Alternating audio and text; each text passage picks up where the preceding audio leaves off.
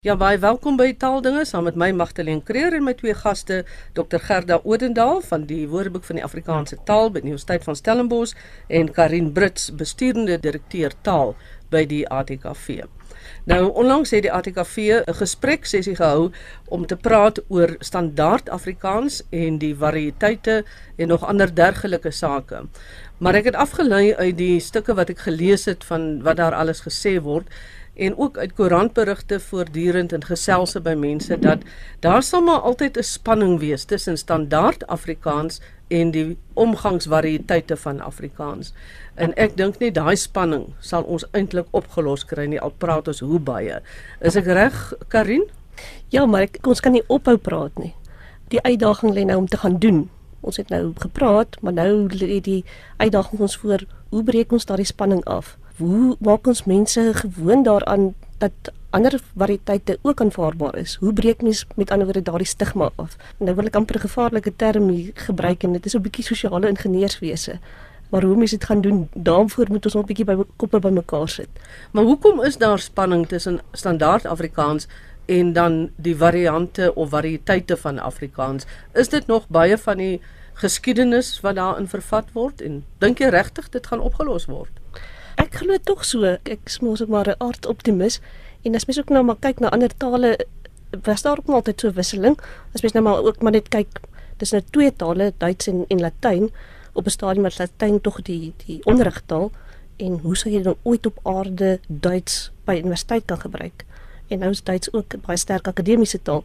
So ek ek ek dink daar's hoop. Gaan nou hierdie is ook jou veld waarop jy uh, in die verlede al baie gevra het vir 'n herstandardisering, maar hmm. dit is nou nie ons onderwerp uh, vandag nie. Die spanning tussen standaard Afrikaans en dan die variëteite lyk vir my gaan al langs die verdelingslyn van wit en bruin. Hmm. Is dit die probleem? Is dit wat nog opgelos moet word? Magdalene, ek wil dit bietjie verder terugvat as 'n mens uh, en half ook breër gaan kyk na standaardtaal en omgangsvariëteite in die algemeen. Die spanning wat daar bestaan, moet ons eintlik al 'n paar eeue teruggaan na die Renessans tydperk. Taal is eintlik 'n kontinuum. Die idee dat daar identifiseerbare afsonderlike tale bestaan, is eintlik 'n idee wat sy oorsprong het in die Renessans tydperk sedert die renessans word taal veral as gekompartementeer beskou met ander woorde as verdeel in onderskeie tale. En wat daar toe aanleiding gegee het is veral die ontwikkeling van die boekdrukkuns voor die ontwikkeling van die drukpers was die geskrewe taal gereserveer vir geleerdes. En die um, ontwikkeling van die drukpers en vertaling van die Bybel het die sogenaamde volkstale soos Karina net na verwys het, dit vir Jan alleman moontlik gemaak om toegang tot die geskrewe woord te kry. En hiervoor was 'n stel oorhoofse riglyne nodig sodat 'n wye verskeidenheid mense die tekste kon verstaan.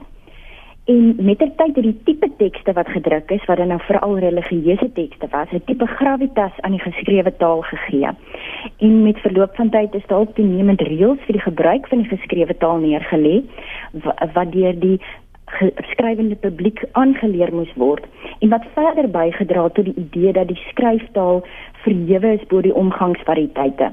'n Mens kyk maar net na benamings wat uh, gegee is aan die geskrewe taal, benamings soos algemeen beskaafde Nederlands of selfs as ons kyk na standaard Afrikaans.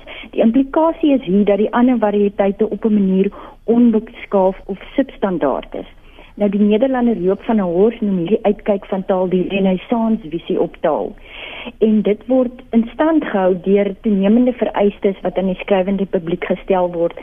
Um, en ook die feit dat die die skryftaal eintlik uh, of kan kom ons sê nou maar die standaardtaal word gebruik in die hoë domeine van taal.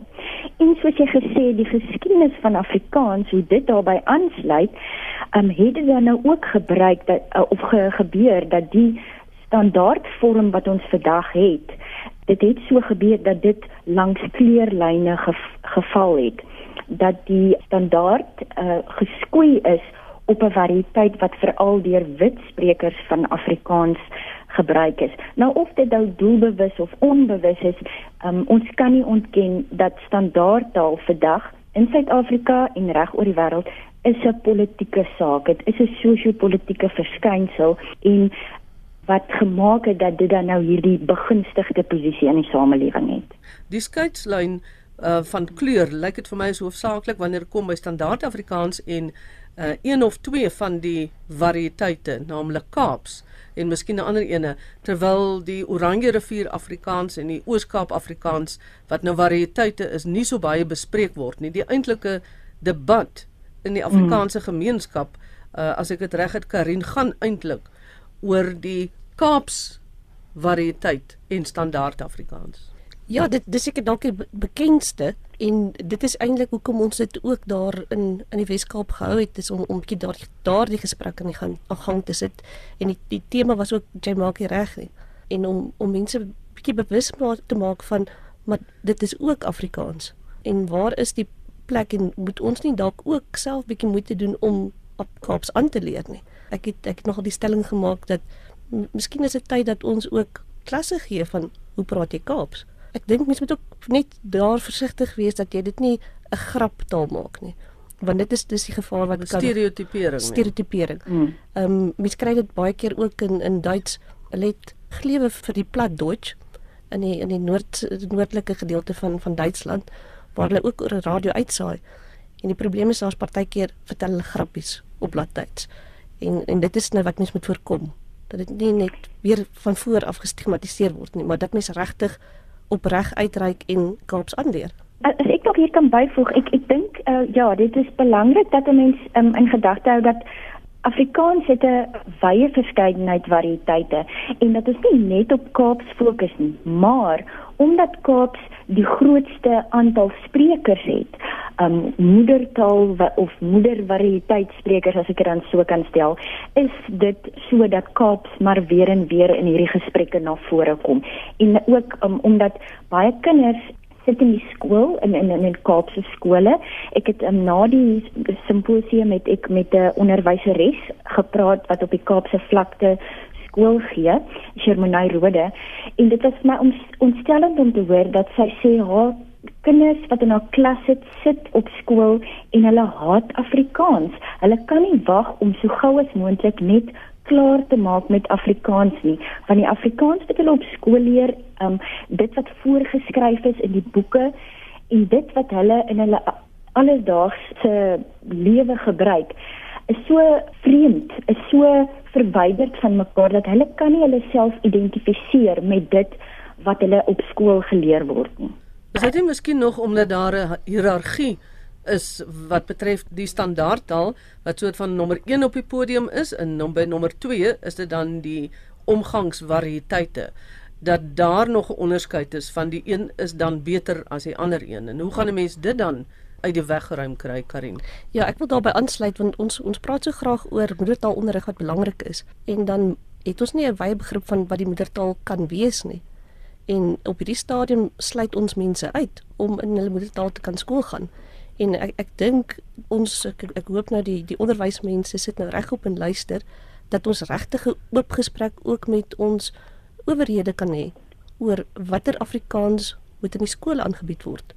En moet daar nie 'n bietjie meer beweegruimte gegee word vir die Kaapse variëteit nie?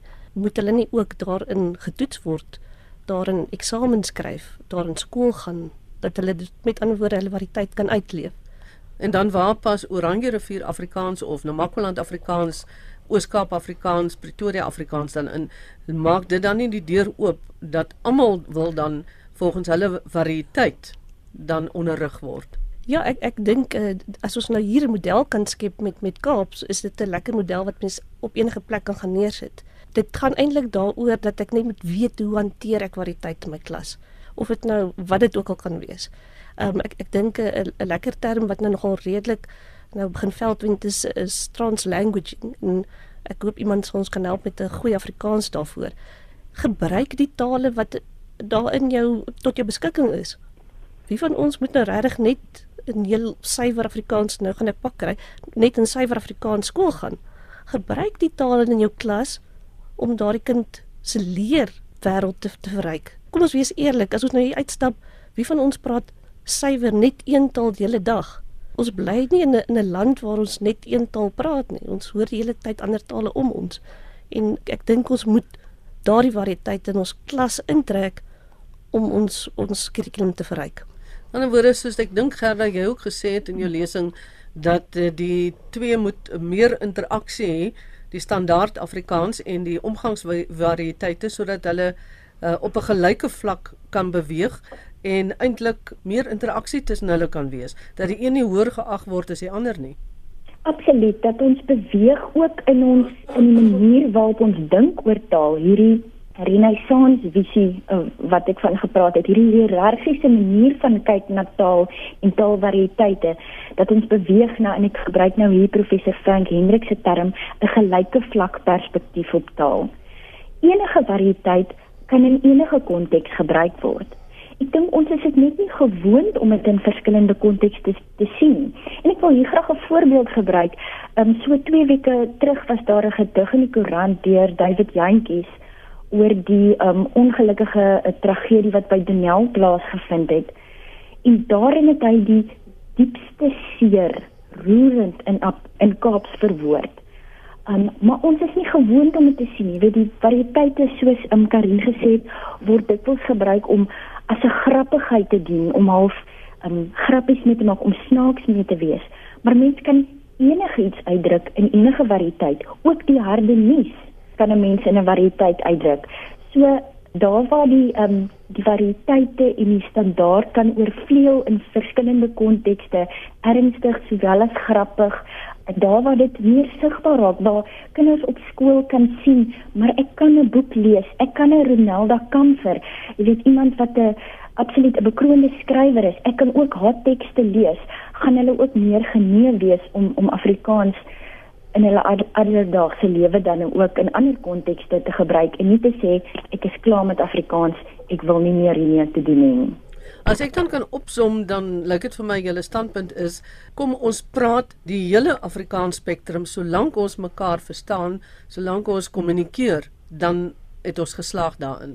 Nou is my vraag, waar laat dit dan standaard Afrikaans? Ons praat nou Afrikaans, maar dit is by enige taal so.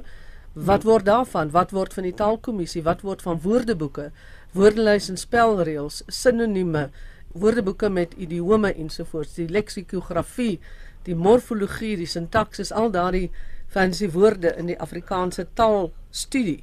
Wat word hmm. daarvan? Waar is daar dan plek vir standaard Afrikaans, Karin? Um, ek dink nie ons gooi dit weg nie. Ek dink net ons maak dit groter oop. Mm. Ons ons ons ons breek daardie heininge af want daar gaan altyd plek wees.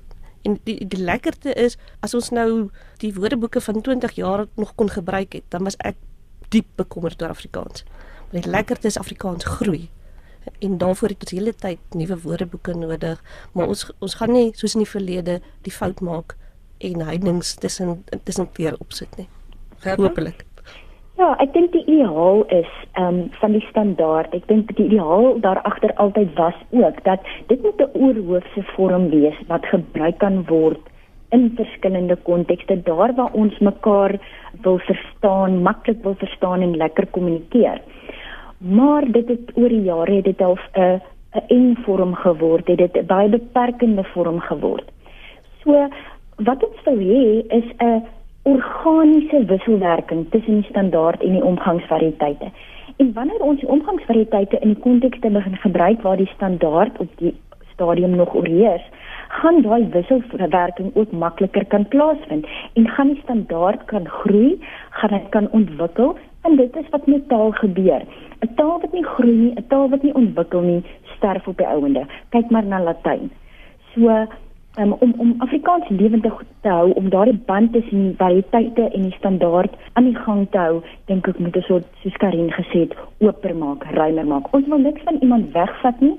Ons wil sê kom ons maak oop, kom ons voeg by.